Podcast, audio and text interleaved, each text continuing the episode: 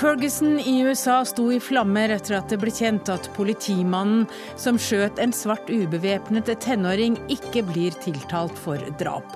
Hendelsen stikker hull på en verkebyll, sier Nord-Amerika-ekspert. I dag og fire uker framover bærer 6000 politifolk over hele Norge våpen. SV frykter at det kan være første skritt mot permanent bevæpning. Og det offentlige må hjelpe folk med pengeproblemer, mener psykolog. Hva med individets ansvar, svarer VG-kommentator.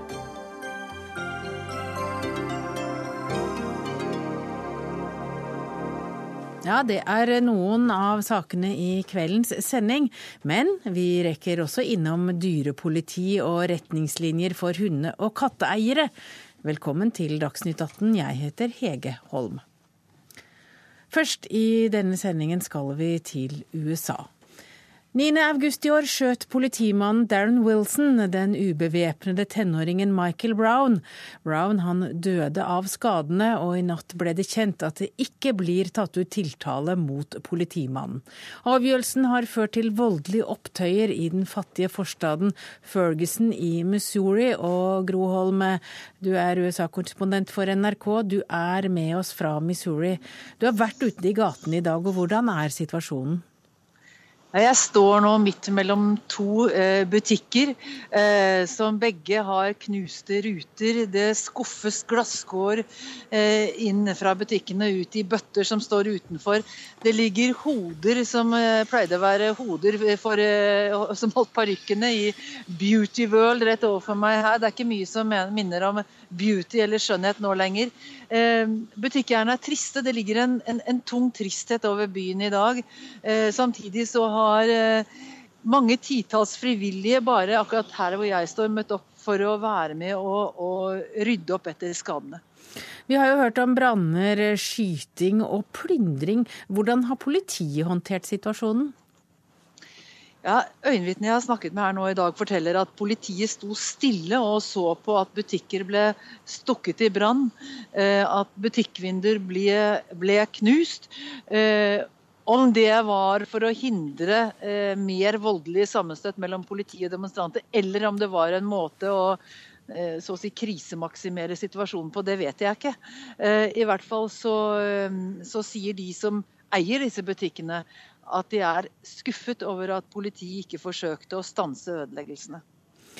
En av storjuryens viktigste oppgaver har jo vært å skille fakta fra fiksjon, ifølge aktor. Har det kommet fram nå noe mer om eh, hva det var som skjedde, og hvorfor det ikke blir tatt ut tiltale? Altså det det er jo eh, slik at Statsadvokaten som redegjorde i går for storjuryens avgjørelse, sier at det ikke er skjellig grunn til å reise noen tiltale. og Han viser bl.a. til at øyenvitneskildringer uh, eller påstander om at uh, offeret ble skutt i ryggen, ikke stemmer. Fordi det finnes ikke skuddsår i ryggen.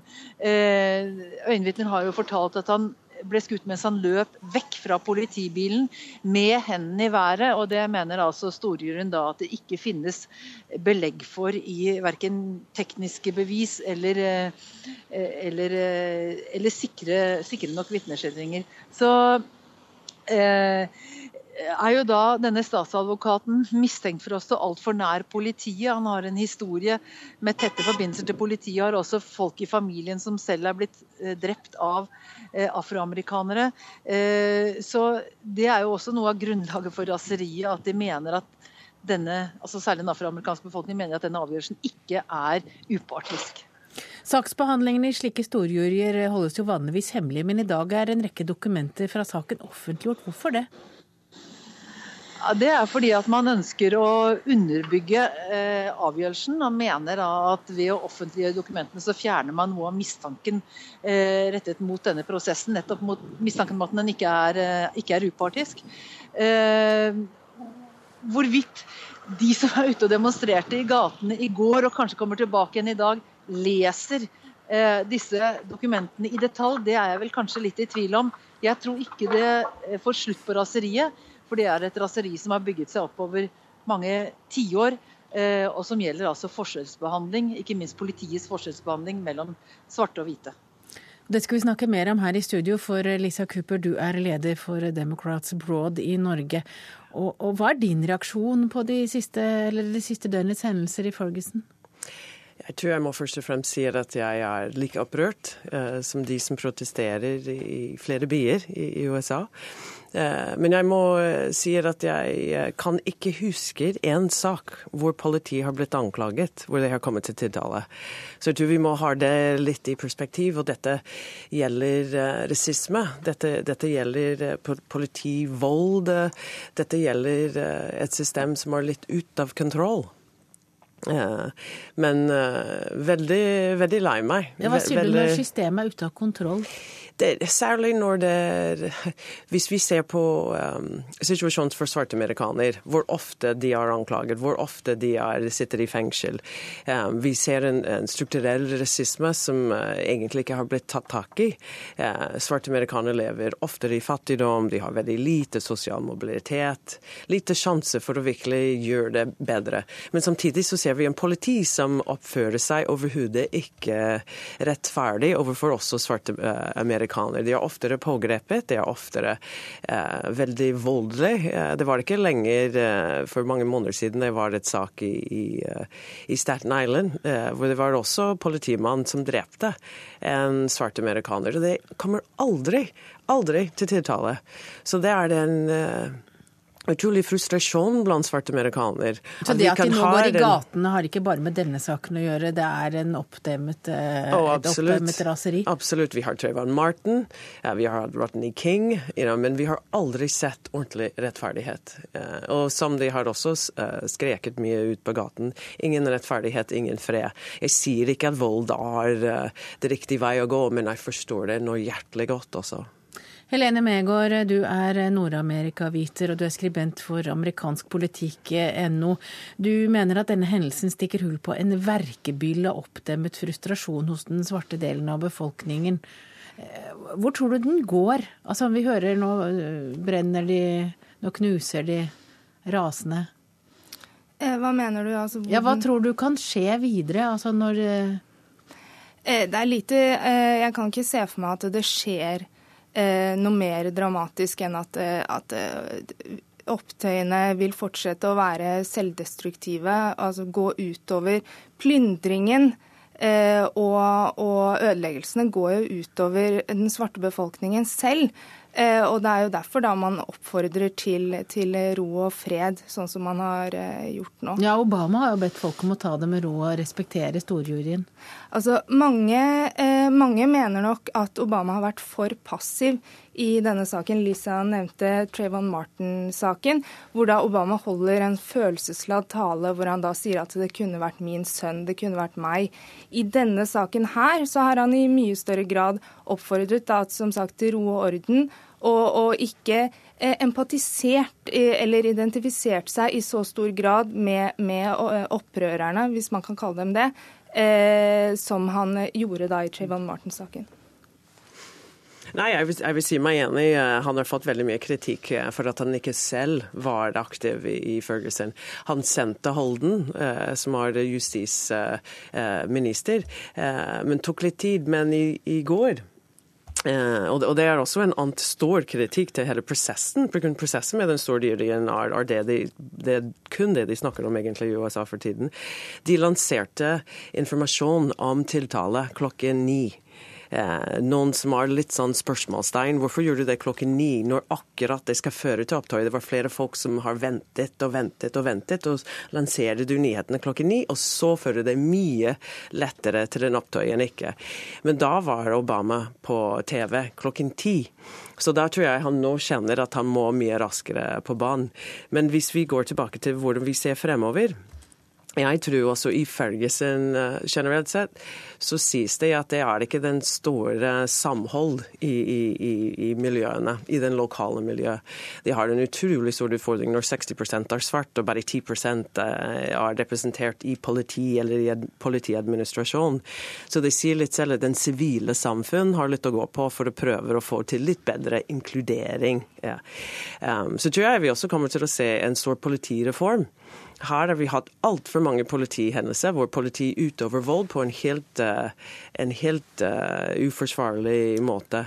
Og ikke, blant annet så snakkes det om at de skal begynne å ha kamera på politimenn. Noen som jeg syns er litt overkill, men hvis de skal ta slutt på urettferdige uh, hendelser blant politi, why not?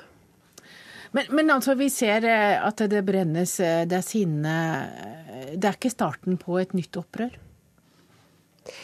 Ja, det, det, det, Nå ser vi i New York, i LA, nå husker jeg ikke at de andre byer, har vært helt vakkert eh, protester. Vakkert i det forstand at det er flere som går på gaten. Det er ikke bare svarte. Det er flere i befolkningen som ser dette er urettferdig. Du trenger ikke være svart for å bli opprørt eh, på dette. De legger seg ned på, på gaten. De vil bli hørt. Ja, de vil se eh, rettferdighet. Så den opptøyen, eh, det, det kommer til å være nå. Men jeg tror ikke det kommer til å være et eller annet, mener jeg. Men jeg tror ikke det kommer til å være voldelig. Men politisjefen i St. Louis påstår jo at kriminelle utnytter situasjonen og går ut på gaten og gjør hærverk. Ja, det er Uff. Det er nesten ingen kommentar. altså, det er ingen tvil om at den store medieoppmerksomheten eh, eh, fører til at demonstrantene altså bokstavelig talt heller bensin på bålet, men også fører til at demonstrantene eh, selv tenker at de er del av en større bevegelse. Eh, dette minner om borgerrettighetsbevegelsen, selv, spesielt disse bildene av eh, eh politiet i militæruniformer mot da ubevæpnede svarte som holder hendene opp og, og liksom 'don't shoot', eh, gir, gir, assosiasjoner tilbake til 60-tallet. Eh, men, eh, men, jeg er nok ikke så optimistisk som Lisa med tanke på, på reformer og, og slike ting. Takk til dere, Gro Holm, NRK-korrespondent eh, Helene Megård og Lisa Cooper. Dagsnytt 18 alle hverdager kl 18.00 på NRK P2 og NRK2. Fra i dag og fire uker framover kan du se bevæpnet politi over hele landet.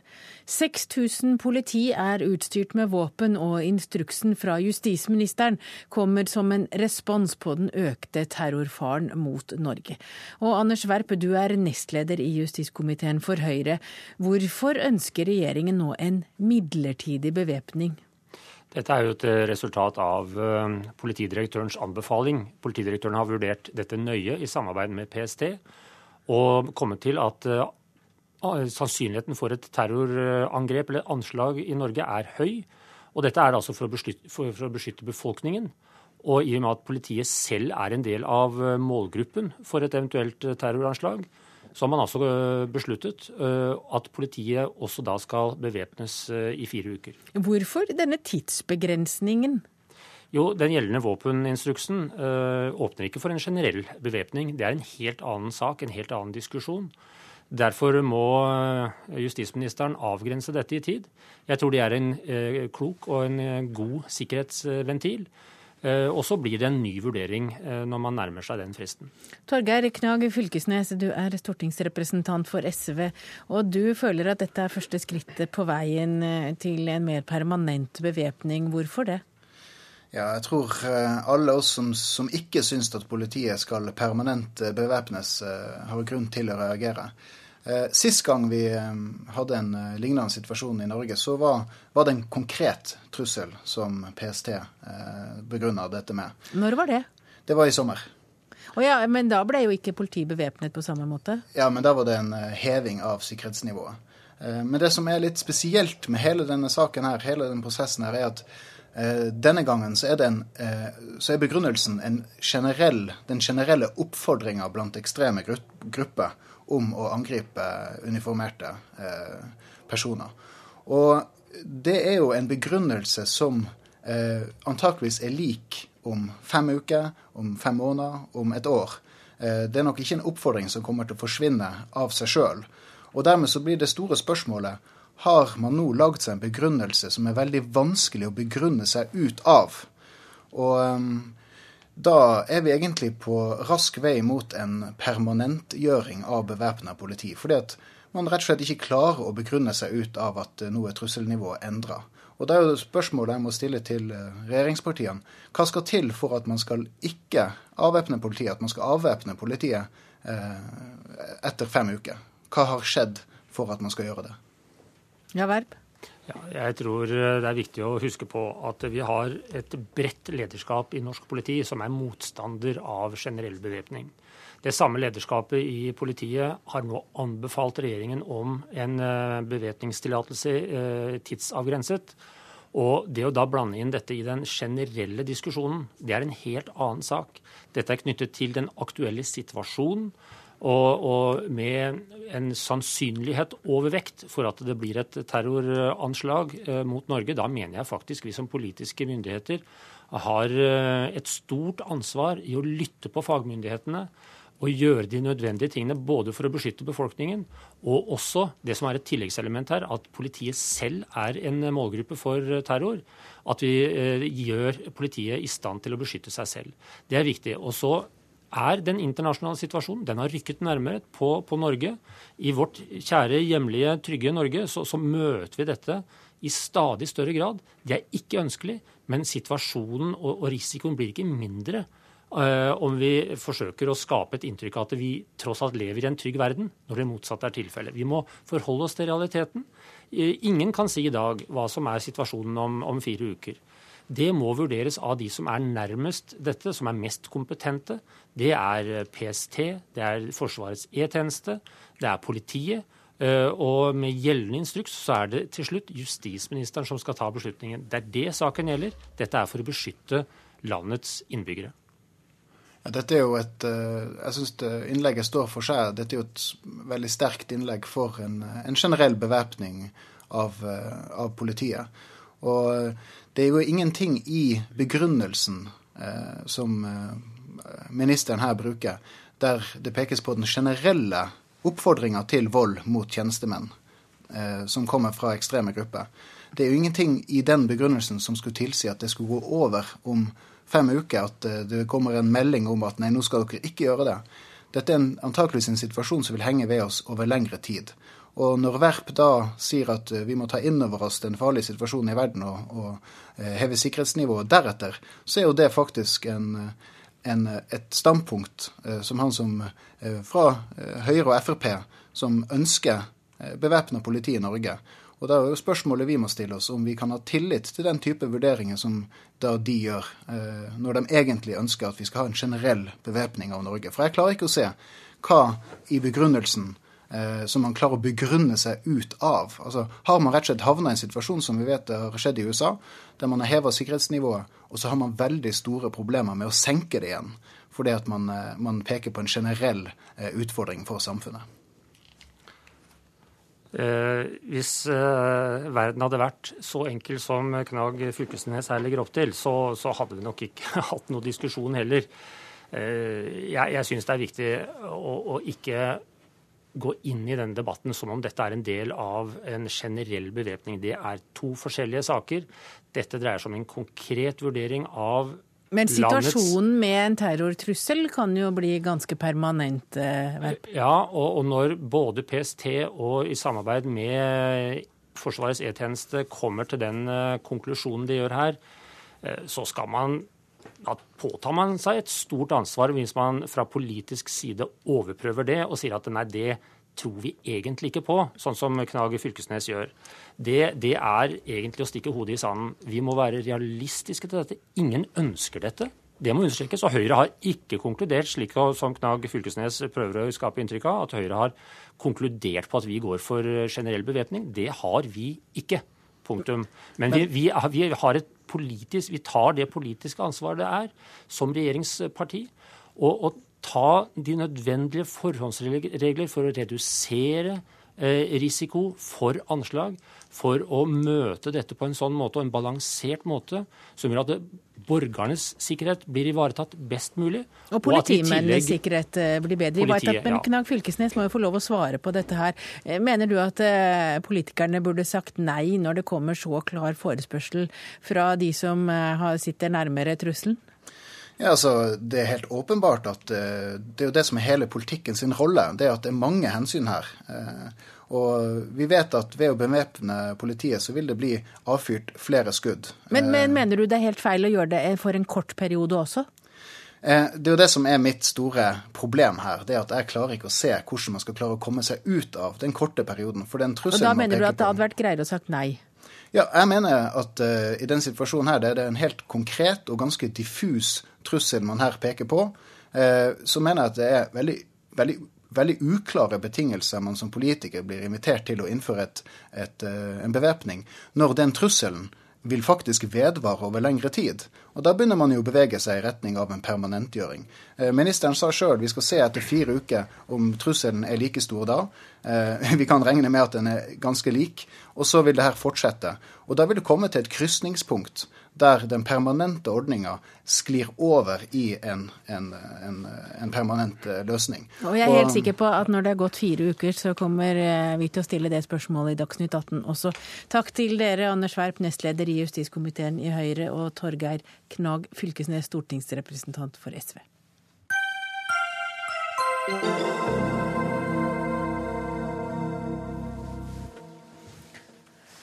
Oljefondet har de siste årene investert 82 milliarder kroner i kull, og eier aksjer i syv av verdens ti største kullprodusenter. Det viser en rapport som Fremtiden i våre hender og Greenpeace har laget. Og stortingsrepresentant for Venstre Unnskyld. Ola Elvestuen, hvordan reagerer dere på de nye tallene? Eh, ja, Nå er vi ikke så veldig overrasket, for selv i vår så var jo opplysningen fra Norges Bank at selv om i de rene oljeselskapene så var det investeringer på 2,5 milliard, så sa de også den gang litt avhengig av hvordan du definerer, eh, de, definerer selskaper som investerer i kull, unnskyld jeg sa feil først, så kan det være opp mot 100 milliarder. Men dette er en veldig god rapport som jo, som jo definerer og lager forslag til definisjoner hvilke selskaper er det som har investeringene i kull, og hvilke størrelsesordener er det egentlig vi snakker om. Men eh, hvorfor vil du at oljefondet skal trekke seg ut av kullinvesteringene? Det er selvfølgelig fordi den alvorlige situasjonen som verden er i, at vi må redusere klimagassutslippene med opp mot 80-90% fram mot 2050. Eh, Kull er eh, den klart største kilden til utslipp internasjonalt. Og det er klart at vårt oljefond er et virkemiddel som vi har, som vil det er, stor, det er, en stor, investering i seg selv fra oljefondet, men det, en, det, gir også en eh, retning, hvis vi håndterer dette på riktig måte, som kan påvirke også andre eh, fond til å trekke seg ut av kull, og dermed også frigi sånn at vi kan investere i mer miljøvennlige løsninger. Gjermund Hagesæter, du er finanspolitisk talsmann i Fremskrittspartiet, og dere vil ikke at oljefondet skal selge seg ut av kull. Hvorfor ikke? Nei, nå har vi jo en, en utredning da, som blir lagt fram i neste uke. og Den må vi se på, og den vil jo være førende på det videre arbeidet. Men vi, vårt utgangspunkt er at vi ser ikke noe stort poeng i å selge oss ut. Fordi at Hvis eh, oljefondet skal selge sine aksjer i kullselskapene, så vil det jo da være noen andre som kjøper disse aksjene. Det kan være russiske investorer, det kan være kinesiske investorer. Eh, men det at vi selger aksjene vil selvfølgelig ikke påvirke da produksjonen, altså verken av kullkraft eller ut ifra kullgruver.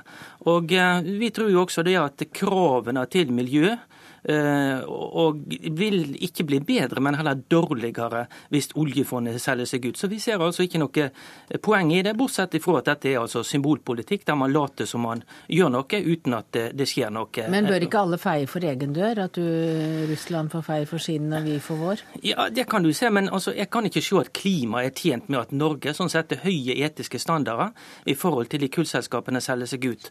Og nå er det jo slik at Vi har jo også kullproduksjonen sjøl fra Svalbard. Eh, vi selger altså til kullkraftverk. Vi er også avhengig av å kjøpe kullkraft fra Europa i såkalte eh, tørre år.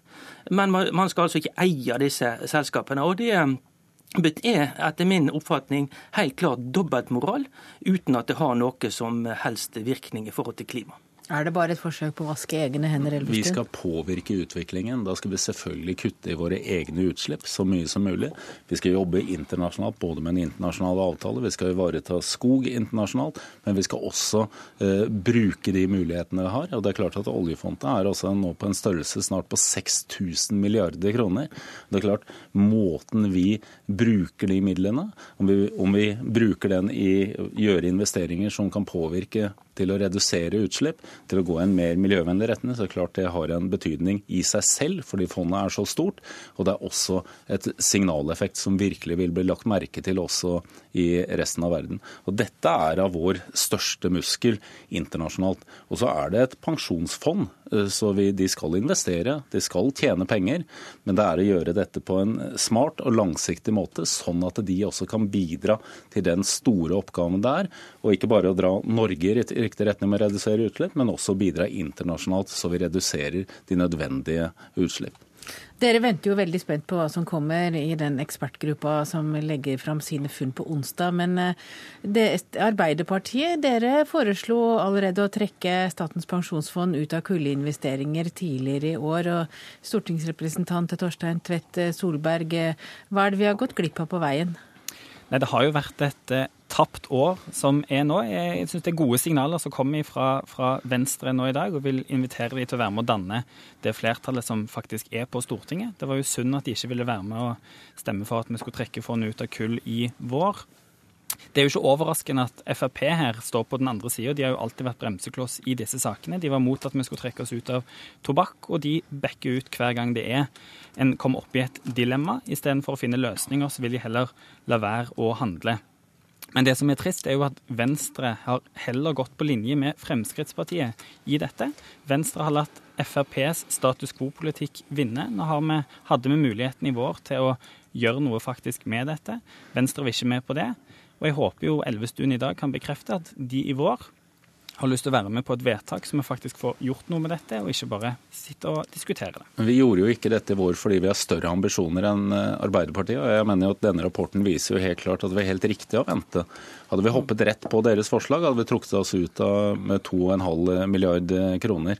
Det som er helt nødvendig, er jo å lage en bestilling inn mot uh, oljefondet som har en mye større betydning. Én er å se på hvilke kullselskap som man skal trekke seg ut på, hvor man skal trekke grensen i forhold til det.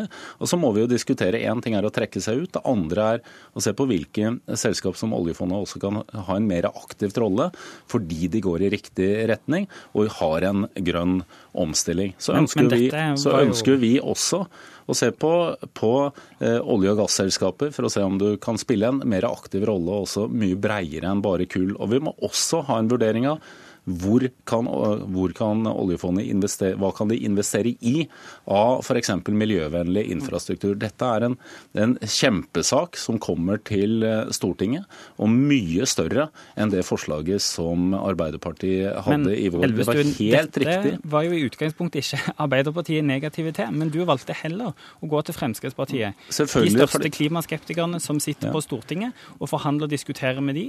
Jeg tror vi kunne kommet mye lenger om dere hadde hatt lyst til å diskutere denne saken med oss. Og jeg håper inderlig at dere tar imot den invitasjonen om å diskutere nettopp det klimaflertallet som ligger i denne saken Men, i Stortinget i vår, og ikke eh, i all hovedsak går til Fremskrittspartiet i, i, denne saken, og heller er med å prøve å få, få, gjort noe. For nå sitter vi et halvt år etterpå og har ikke fått til det vi kunne fått til i vår. Eh, godt du er ambisiøs på, på på Venstres vegne her, men jeg håper du er med på å danne de gode klimaflertallene og, og komme til oss før du kommer. Men det var jo Venstre som satte i gang nettopp den prosessen for å få dette ekspertutvalget. Og dette ekspertutvalget har vi da en enighet om på borgerlig side, og det er den som sammen med denne rapporten, ekspertutvalget, vil lage grunnlaget eh, for det vi skal beslutte. Også reaksjonene på ekspertutvalget fra vil jo også være en hørings... Eller vi forventer i hvert fall en høringsperiode, sånn at vi får den helheten vi trenger for å lage de langsiktige bestillingene inn til oljefondet, som vil ha en mye større betydning enn et hastevedtak i vår noensinne vil kunne ha.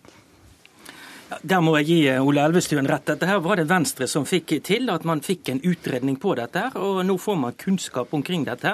Altså Arbeiderpartiet de ville hoppe på et forslag, uttrekk, uten som ikke var uh, utreda, ikke var gjennomtenkt i hele tatt.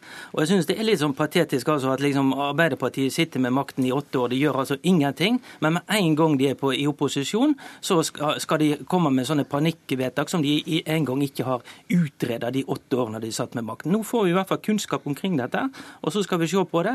Mitt utgangspunkt er at jeg tror ikke det er noen løsning at eh, Norge selger seg ut, oljefondet selger seg ut. Hadde man f.eks. gått inn og solgt seg ut av verstingene innenfor kullindustrien, eh, og beholdt de selskapene som har den høyeste miljøstandarden, eh, så hadde det vært noe annet. Men bare å selge seg ut, det tror jeg ikke er noen løsning. Men det, var, det Hagesæter sier her nå, er jo feil. Det ble gjort noe de åtte årene vi satt i regjering.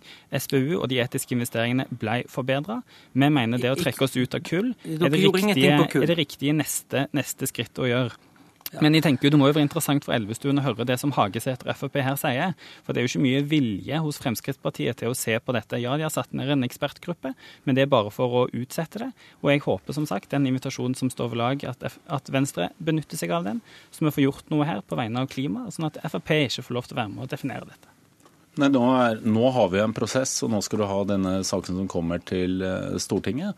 Det er et flertall på Stortinget for å trekke seg ut av kull. Det handler om hvor skal du sette definisjonen, og det handler også i hvor stor grad du skal gi oljefondet mulighet til også å være en aktiv deleier i selskap som går i riktig retning. Og så er det også et spørsmål hvor langt man ønsker både å se på hvor kan de investere, hvilke andre miljøvennlige infrastruktur kan de investere inn i. Men Elvestuen, når du nå høres jo du litt ut som en politiker som skal utsette noe og synes er litt smertefullt smertefullt, så du venter på utredning, så vil du se, så vil du diskutere.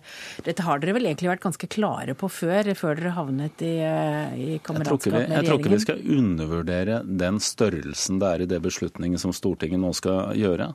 Dette er altså et fond på nesten 6000 milliarder kroner. Det er det største i verden i sitt slag. og Håndterer vi dette riktig, så er det ikke bare en stor betydning for de midlene, men det har en stor betydning og signaleffekt langt utover også oljefondet. Og Det er mye viktig viktigere å gjøre dette riktig enn å gjøre det raskt. Og Nå kommer dette i vår, og jeg er sikker på at det her skal Stortinget klare å gjøre et vedtak som gjør at oljefondet nettopp kan bli den muskelen, ikke bare for å tjene penger for Norge, men også for å bidra til at verden går i en mer miljøvennlig retning.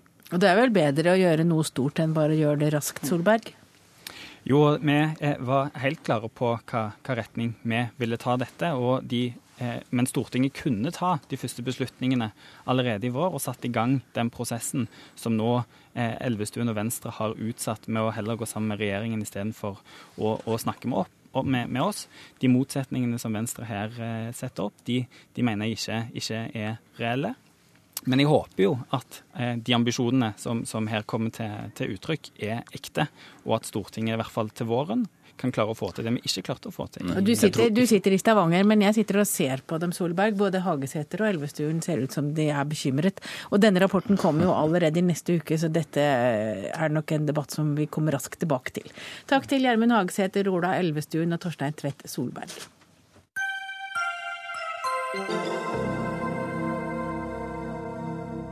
Nå skal vi ut på havet, for norske skip har eh, reddet flere tusen båtflyktninger fra drukningsdøden i Middelhavet bare siden sommeren.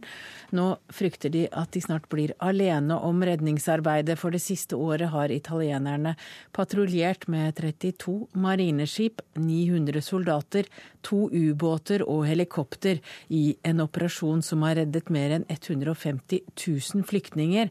Men nå er denne aksjonen slutt. Mare Nostrum kalles den. og da har vi med oss deg, Håkon Svane. Du er avdelingsdirektør i Norges Rederiforbund. Hva er det du konkret frykter nå? Vi frykter at det skal være for få redningsressurser i et område hvor det eh, sannsynligvis eh, kommer til å fortsette å være veldig mange både flyktninger og andre såkalte migranter på havet. Vi ser at italienerne har gjort en kjempejobb det siste året med Mare Nostrum. En stor operasjon, som du nevner, og som har hatt som eh, hovedmandat å, redde eh, folk i nød på havet. Uten Mare Nostrum så er det ikke slik at det vil være eh, null ressurser der. Det er fremdeles slik at Malta, Italia og til dels også Libya, Tunis på den andre siden har ansvar i sine søk- og redningsregioner. Men det er viktig i lys av at det er ekstraordinært mange båtflyktninger og andre migranter på havet, at det er nok folk, nok ressurser til å ta imot de flyktningene og andre som norske skip, andre skip plukker opp. Hva dette er det en, norske dette er en kjede. Hva er det norske skip opplever når de er i disse farvannene? Ja, de, Du kan tenke deg at du har et eh, norsk eller annet eh, fartøy da, med 16, 18, 20, eh, kanskje opptil 25 mannskap om bord, eh, som kommer opp i situasjoner hvor eh, de kanskje møter på en eh, skrøpelig farkost som er i ferd med å synke, hvor det er 400-500 mennesker om bord. Menn, kvinner, barn, spedbarn, eh, som enten er i ferd med å drukne eller eh, allerede har druknet, ligger og flyter i havet, eh, synker foran øynene på de. Det er veldig mange forferdelige situasjoner de har opplevd, særlig nå i sommer og høst, som nok gjør et veldig sterkt inntrykk på mannskapene. Har dere opplevd det? Er det norske båter, båter som har opplevd å møte Ja. Det har vært eh, en rekke rederi som har opplevd dette. Altså Redningsaksjoner er ikke noe nytt for eh, norske og andre sjøfolk. Eh, Men i år så har det vært ekstra ille. Og, og hovedutfordringen i år er at det er så mange på én gang. Du må da sørge for at de kommer seg trygt om bord i ditt fartøy. Ja, for det er du forpliktet til. Ja, du er forpliktet til å redde folk på sjøen under noe som heter SOLAS-regelverket. Eh, Men det regelverket er jo i utgangspunktet laget for redningsstasjoner redningsaksjoner hvor det kanskje redder mannskapet på et annet skip, ikke 500 flyktninger i en liten eh, farkost. Og hvis du da har reddet 500 flyktninger i en liten farkost, og så støter du på enda en farkost som Ja, Da er må du kanskje å prioritere, da. Eh, Og det som har vært fint med Mare Nostrum, er at italienerne har hatt på plass et apparat som har hatt eh, evne til å både søke, redde og prioritere innsatsen. slik at Italia har bedt eh, norske og andre skip om å delta i en rekke ulike redningsaksjoner. Inntil ni på en gang. Når du har ni redningsaksjoner på en gang, så går du fort tom for eh, ressurser. Og da har du kommet til situasjoner hvor eh, man ikke bare plukker opp flyktningene, men også må transportere de kanskje et døgn eller to til Italia f.eks. Med alt det det innebærer av ivaretagelse, sikkerhet, helse for mannskapet og for de som reddes. Men er dere sikre på nå da at dere vil, altså hvis dere plukker opp, eller det må dere jo, så når dere seiler de farvannene og har plukket opp mennesker i nød, er dere sikre på at dere finner et sted som vil ta det imot? Ja, Det er vi i hvert fall helt eh, avhengig av, eh, og det ligger også inne i dette regelverket som jeg nevnte. Eh, Mannskapet og skipet har plikt til å redde eh, skipbruddene, eh, så frem til det ikke er til fare for dem selv. Eh, Mens eh, såkalte sikre havner i nærheten har plikt til å ta det imot. Dette er internasjonale regelverk som eh, eh, skipsfarten jo er helt avhengig av at kyststatene eh, følger. Hva kan Norge gjøre i denne situasjonen? Norge gjør allerede litt, f.eks. gjennom min funksjon, som jo er betalt for store deler av Nærings- og fiskeridepartementet. Jeg er et bindeledd mellom skipsfart og, myndigheter og gir råd, som jeg bl.a. får fra norske myndigheter til skipsfarten. Men man kan også delta for å støtte den operasjonen som EU nå har iverksatt for å ta over deler av det ansvaret som Mare Nostrum hadde. Altså enten med skip, eh, økonomiske bidrag, ekspertise der ute. Det er veldig mange, måter å bidra på. Eh, Og Rederiforbundet har jo eh, bedt norske myndigheter om å vurdere hva slags eh, bidrag man kan eh, stille i selve redningsaksjonen også, i tillegg til det som skjer gjennom funksjonen jeg har og, og det andre gjør. Men begrunnelsen for å nettopp avslutte Mare Nostrum og at andre avslutter å plukke, eller sitt arbeid med å plukke opp båtflyktninger, det er vel fordi de mener at når du først plukker opp båtflyktningene, så er det noe båtflyktningene vet om, slik at flere legger ut på havet og regner med at de blir plukket opp? Ja, I en eh, perfekt verden hvor alle har samme type informasjon, så vil det kanskje være tilfellet. Og jeg ser at det har blitt eh, hevdet Men det er jo av flere. hevdet, ja. Eh, Men eh, hvis du ser på utviklingen siden Mare Nostrum ble eh, nedskalert, da, den er ikke helt avsluttet ennå, siden 1.11., så er det jo ikke sånn. Eh, Vi hadde 2200 eh, personer som ble reddet av italienerne sist helg. 800 nå, eh, for noen dager siden. I- Senest i dag hørte jeg om en redningsaksjon eh, hvor det var noen som ringte meg på jobben og spurte om eh, telefonnummeret til en redningssentral i det østlige Middelhav. Altså 100 syrere som fløt rundt i en båt som holdt på å synke. Dette pågår fremdeles.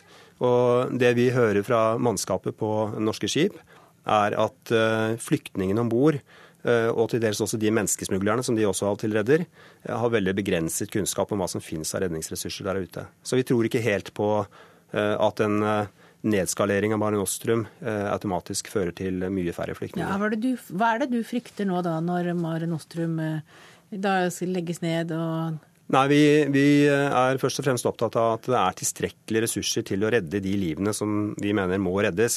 Og en organisasjon som heter IOM, eh, International Organization for Migration, de hevder jo at for hver av de 3000 eh, som man vet eh, har druknet på havet i år i denne delen av Middelhavet, eh, så har to mennesker eh, til eh, omkommet uten at noen har registrert det. Eh, Så de mener at 9000 og ikke, 6, eh, unnskyld, ikke 3000 mennesker er, blitt, eh, er druknet da fordi at de ikke er blitt eh, reddet. Og det kan jo ikke fortsette. Så dette er ikke en situasjon som er verken oss eller andre verdig. Så det du kom med nå, er et rop om hjelp, rett og slett? Ja, det er det. Et rop om bistand for å sørge for at redningskjeden fungerer. Og vi er et, ett av leddene i den kjeden. Takk til deg, Håkon Svane. Du er altså avdelingsdirektør i Norges Rederiforbund. Hør Dagsnytt 18 når du vil. Radio NRK NO.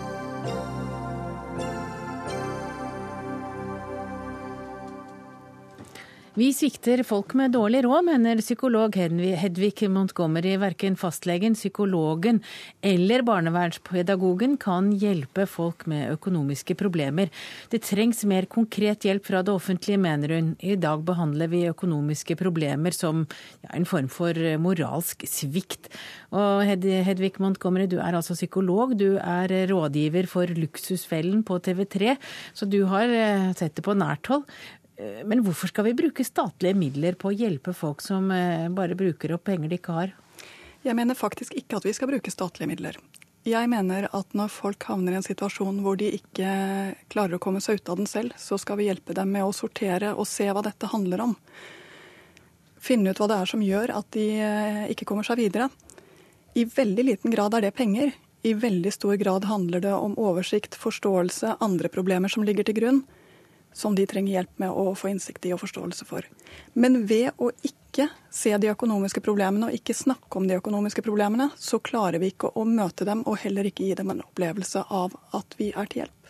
Men, men hvis jeg kommer i økonomiske problemer, hvis jeg bruker opp eh, kredittkortene mine flere ganger og jeg klarer ikke å betale ned gjelden, eh, går til fastlegen, skal han da sende meg videre til en psykolog som spør hva er det for noe egentlig med ditt liv som gjør at du sliter med økonomien? Jeg tror at alle behandlere, enten de er psykologer eller fastleger, skal møte sine pasienter med å spørre om hvordan de har det og hva det handler om, og ta tak i den bestillingen de faktisk får. Tom Stovi, du er økonomikommentator i VG. Bør, om ikke staten, så iallfall hjelpeapparatet i større grad eh, ta tak i folk som eh, bruker opp pengene uten å ha dem? Jeg, altså, jeg tror Montgomery har et poeng. Jeg tror veldig mye av eh, det psykiske stresset og en del av de lidelsene som eh, folk har, nok kan bunne ut i økonomiske problemer som tipper over i en del andre ting. Det, det tror jeg er et veldig godt poeng. Hva er det som kommer vi må- først? Er det det at du bruker for mange penger, eller er det og frykten for å ikke klare å tilbakebetale, eller er det Ja, jeg tror det er eh, altså For meg så er det jo det, eh, Jeg mener jo at det går et Det er jo mange markante skiller i livet. Og et av de viktigste, mener jeg, det er når du ikke lenger er opptatt av når neste lønn kommer. For det er alltid litt penger igjen på lønnskontoen når det kommer nytt påfyll. Det er veldig mange mennesker som ikke er der. Dvs. Si at de alltid lever litt på etterskudd. Og det er klart, det er en så stressende og vond situasjon å være i. Og det kan jeg godt tenke meg. Alle, vi har jo vært der alle sammen når vi etablerte oss osv. Det, det er jo fryktelig tungt. Så selvfølgelig tror jeg det kan gi deg noen problemer. Men det vi aldri må på en måte rømme fra, det er at økonomien er individets ansvar. Det syns jeg er et veldig viktig prinsipp, og det må vi slå fast. Det er den enkelte som er ansvarlig for å også holde orden i sine egne økonomibøker, akkurat som bedrifter må gjøre det i sine. Eh, Og hvis vi i noe grad skal rope på staten eh, eller det offentlige, så mener jeg vi må inn før det blir problemer. Eh, det, for jeg tror vi må erkjenne at det er en del mennesker som kommer fra økonomisk rotete hjem, som liksom ikke får med seg en god kompetanse hjemmefra om hvordan man styrer og steller med pengene sine. Uh, Og, og da må vi nok inn i skoleverket og måtte legge opp noen helt enkle eh, råd og tips og noen fag, rett og slett, som forteller folk at eh, disse enkle pengene når du blir 18 og får stukket et kredittkort i hånden som det er 25 000 kroner i kreditt på, det koster å bruke de. Så mye koster det. Du bør ikke gjøre det. Eh, og så syns jeg også vi skal rette kanskje pekefingeren mot en del av de veldig ivrige aktørene som nå nærmest pusher kreditt på Gud og en hvermann. Bare postkassen min er jo full av tilbud. Hver eneste uke så får jeg tilbud om 400 000 der og 250 000 der. Det er bare å nærmest sende en tekstmelding, så har jeg de pengene på konto. Jeg syns kreditt kredittvurderingen eh, i en del av disse selskapene er så slett at eh, de nok også burde tatt et ansvar for at de deler ut de lånene som kunden deres ikke burde ha fått. Det er klart at mer kunnskap vil hjelpe noen. Eh, noen mangler en helt basal forståelse for økonomi. Mange av de vi treffer, har ikke vært noen racere på skolen, og jeg vet ikke om de hadde klart å få med seg dette faget heller, dessverre. Så at, at Eh, at, det vil hjelpe noen, det, den ser jeg jo. Samtidig så ser jeg også at det er mange som ikke vil få med seg det heller. Men hva er det som må til da? Handler det om eh, manglende forståelse, så er det klart at det er forståelse man må putte inn. Og noen ganger så hjelper det å være føre var, andre ganger så kommer man litt sent inn. Andre ganger så ser vi at det handler om helt andre ting. Manglende evne til å sette grenser for partnere som man er forelsket i, og som man betaler bokstavelig talt alt for. Eh, manglende impulskontroll og forstå rekkevidden av egne handlinger før det er for sent. Så plutselig så har man kjøpt og solgt 20 biler på ett og et halvt år. Eh, det kan være helt eh, syke barn som man betaler for uten å forstå på en måte i en sånn nærmest affektøyeblikk for å få gjøre alt uten at man ser hva det fører til på sikt. Så det er så mye forskjellig som ligger bak, og jeg syns det er vanskelig å peke på én måte å håndtere det på. Men det kan møtes og løses i hver enkelt sak. Skal vi møte og løse det, så må vi legge bort moralismen som handler om at dette, dette har du selv skyld i. Men, men, hvor går individets ansvar da, for hva en har skyld i? Det er ingen tvil om at vi har et stort personlig ansvar både for egen helse og egen økonomi. Eh, men det det offentlige kan bidra med, er en hjelp som gjør de som ikke har det, i stand til å ta det personlige ansvar, ansvaret. Det er alltid bedre å mestre. Det er alltid bedre å få det til selv. Nå, det, det, finnes jo et offentlig hjelpeapparat, uh, uh, og jeg har til og med vært en sånn hjelper. Jeg begynte min arbeidskarriere som økonomisk saksbehandler på et sosialkontor, der nettopp en del av oppgaven var og, å ta imot den bagen med regninger og prøve å sortere ut for folk, for det er noen som havner der. Så jeg tror det offentlige har et tilbud uh, hvis man oppsøker det. Uh, og i enden så kan dette ende med en gjeldsordning som, hvor ideen jo er at du skal på en måte leve som asket i fem år. Det er straffen din, og så kommer du ut i den andre enden i null, sånn at du kan få lov til å starte på nytt igjen. Eh, men, men, samtidig så, så, så mener jeg at vi, vi, må ikke vi, må på en måte ikke lage eh, Vi må ikke lage det for enkelt eh, eller lage et bilde av at det er bare tut og kjør, og så får du hjelp etterpå. Og det er? Du nevnte Luksusfellen. Jeg mener Et av problemene med programmet Luksusfellen for eksempel, det er jo at man tar jo inn bare de som For det første tar man inn de som er reddbare altså der det går an å hjelpe dem. Eh, og så ender det i masse tårer og vondt og vanskelig, og så ender det i eh, full lykke og problemet løst. Så de som sitter og ser på dette, de tenker at ja ja, eh, det er bare å svi av kredittkortet, dette løser seg, det har jeg sett på Luksusfellen. Jeg tror Det vi ikke får se i denne type programmer, det er jo alle de casene som ikke er løsbare. Det er altså der hvor det ikke finnes noen løsning. Der hvor det har rakna og at det er konkurs. Økonomiske problemer alene finnes nok ikke. Eh, en av de tingene vi ser på Luksusfellen søkere, er at det er veldig sammensatte problemer. Eh, og, og dere viser da de som klarer seg? Noe annet hadde vært svært etisk betenkelig, så det er jeg glad for å svare ja på. Eller kanskje dårlig tema. Eh, I, I, varierende grad så viser man dem som altså Meningen er i hvert fall å vise dem som kan få noe igjen for det, og som også kan lære bort noe til andre via programmet. Fordi det er også en del av programmets idé at det skal kunne gi noe til dem som ser på. Og nå har vi jo snakket om temaet her også, så kanskje vi har gitt ideer til noen. Og det finnes altså rådgivere. En av dem har en gang vært Tom Stovi. Men da må du gå på sosialkontoret og be om hjelp og ta med regningen i en plastpose. Takk til dere, Hedvig Montgomery og Tom Stovi.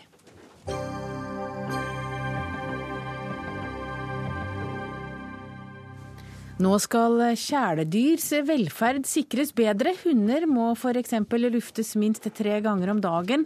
De skal ha rene tenner, og de skal ha et sunt fôr. Og katten skal ikke løftes etter nakkeskinnet eller overlates til seg selv når du drar på sommerferie. Det kunne i dag VG fortelle, og det er Mattilsynet som har satt opp en eh, lang liste om hvordan hunder og katter skal behandles. Og Ole Fjetland, du er assisterende tilsynsdirektør i Mattilsynet. Hvorfor har dere kommet med så mange detaljerte krav til folk som er kjæledyr? Altså, Mattilsynet har gjennomført et, et stort eh, kjæledyrprosjekt i 2013 og 2014 eh, som skal bidra til bedre holdninger og mer kunnskap om kjæledyrs behov, eh, både internt i Mattilsynet og blant folk flest. Og I det arbeidet så har vi gjort mange ting. Vi har lagt brosjyrer for stell av mange forskjellige dyr som ligger på våre internettsider. Vi har skrevet mye artikler om Altså råd for katter i kulda. Hva gjør du 17. mai og nyttårsaften med hunder som er redd for smell? Og så har vi lagt veiledere for hold av hund og katt, som skal være en hjelp til folk til å vite hvor grensen går for hva, hva som er god dyrevelferd. Og Som også skal være faglige knagger for våre inspektører når de er ute på tilsyn. Men altså, det finnes da altså en halv million hunder i Norge, og det er om lag 700 000 katter. Er det mange av disse til sammen 1,2 eh, millioner husdyr som blir eh, dårlig behandlet? De aller fleste som har kjæledyr, de har, har jo anskaffet seg det fordi de er glad i dem, og de steller godt med dem. Men selv for de så vil, disse, vil, denne veilederen kunne gi, eh, si litt om hva dyrs behov er, og ting som ikke er så kjent for folk flest. Akkurat det du nevnte med å løfte i, i nakkeskinnet hos katt, er jo en sånn myte, da, at, at katter tåler å bli tatt i nakken fordi at en ser at kattemor løfter, løfter, ungene sine i nakken. Men for en voksen katt å bli holdt bare i nakken, så er det smertefullt. Så det er av de tingene som vi peker på for å fortelle folk om hva dyr trenger, og hva som gjør vondt for dyr, og hva som er deres behov. Men er det også et forsøk på å skremme vekk litt sånn useriøse mennesker som vil kjøpe seg katt og, eller få seg katt og hund og ikke helt vet hva det innebærer? F.eks. at man må lufte tre, en hund tre ganger om dagen? Altså det, ikke, det, med å lufte tre ganger om dagen, det, det, handler jo om å gå ut for å, for å gjøre fra seg morgenen før du går på jobb, når du kommer hjem fra jobb, om kvelden før du legger deg. Og så må han ha mosjon i tillegg. Men det er helt riktig at folk som ikke har anledning til å gi eh, dyrene den den type stell, de bør ikke anskaffe seg hund eller katt. Og Det er sånne faktorer peker vi på. Hva behov dyr har, eh, og hva en må være forberedt til å ta på seg når en anskaffer seg dyr. Hva er straffen for ikke å behandle hunden eller katten godt? Altså Det er ikke sånn at vi skal ligge på, ligge på vakt i busken og, og, og, anmelde folk som ikke kommer for sent hjem fra jobben. Altså dette er, For det første så er jo dette hjelp eh, for folk til å forstå dyrs behov. Og så er det, Vi skal jo gjøre tilsynet nå sånn som vi har gjort før. Når vi får eh, bekymringsmeldinger, så skal vi følge opp det. Når vi har risiko om at dyr lider, så er våre inspektører der ute. Og da denne veilederen knagger som de kan eh, bruke til å lage totalvurderinger av dyrehold. Sånn at de kan gjøre enda bedre vurderinger, faglige vurderinger. Trygve Slagsvold Vedum, du er leder i Senterpartiet, og du eier mange bier og en katt. Og dessuten så er du for et dyrepoliti når, eh, som skal ta seg av saker der dyr ikke blir ordentlig behandlet. Hvordan skal det fungere? Altså, det er jo Mattilsynet som er det norske dyretilsynet, som er overalt i hele landet, som har den beste oversikten og den beste kunnskapen. Og sånn skal det fortsatt være. Eh, og så var det et mål også når jeg hadde ansvar for dyrevelferd, at en skulle få tettere kontakt mellom mattilsyn og politi. og Man har fått sånne fylkesvise kontaktpunkt i politidistriktene, der det er liksom én politiperson man kan, kontakte. Men så har vi en erfaring fra Sverige der man har innført det her med dyrepoliti. og Hovedgrunnen for det er at det kan være en del private hjem der det er rus, der det er kriminalitet, der det er vold, der det er vanskelig eh, for Mattilsynet å operere. Så det er en, egentlig et veldig stor grad et storbyfenomen. og Det er derfor man har hatt det i Stockholm først, og at vi bør ha det her i, i Oslo. Og så mener jeg at den enheten skal kunne være en støtte for, i lokale dyrevelferdssaker rundt omkring i Norge når det er tunge saker. At det er noen få fagfolk, dyktige fagfolk i politiet, som kan bidra og støtte Mattilsynet, lokalt politi i tunge saker. For det er komplekse og tunge problemstillinger der det kan være kriminalitet, vold, andre typer ting involvert. og Da er det lurt å ha noen fagfolk i politiet som har det som et spesialansvar. Marianne Aasen, du er stortingsrepresentant for Arbeiderpartiet, og du er hundeeier. Eh, dere vil ikke ha noe dyrepoliti? Nei, men jeg syns debatten egentlig er veldig bra. Rett og slett fordi at det retter fokus mot dyrevelferd på en måte som, eh, som appellerer til vanlige folk. Ikke sant? VG lager oppslag om det. Det er ikke den første gangen diskusjonen er tatt opp. Og mange har meninger om dette om vi skal ha dyrepoliti eller ikke. På mange måter så er jo egentlig Mattilsynet eh, har jo den funksjonen som man godt kunne tenkt seg at politiet skulle hatt i for seg. Men jeg syns ikke det er så veldig viktig eh, i, for dyret, eller for dyrevelferden, hvilken av disse som har det. Derfor syns jeg vi skal beholde det som det er, ikke minst fordi at politiet er i en ganske krevende situasjon når det gjelder sin organisasjon og har mange oppgaver som de skal ivareta. Ja, nå fikk jeg plutselig et bilde av en bevæpna politimann som kommer og sier du har ikke lufta bikkja di mer enn to ganger i dag. det, jeg tror den politimannen som nå er bevæpna faktisk, skal gjøre andre ting. Eh, og at Mattilsynet som sitter på den kompetansen bør gjøre det. Men de har jo også anledning til å tilkalle politi, og bør jo gjøre det. Og jeg tror også det antageligvis vil se mer av det. Nå når de skal samarbeide bedre, og vi får det inn i utdanninga på Politihøgskolen, at dyrevelferd er også noe de må kunne.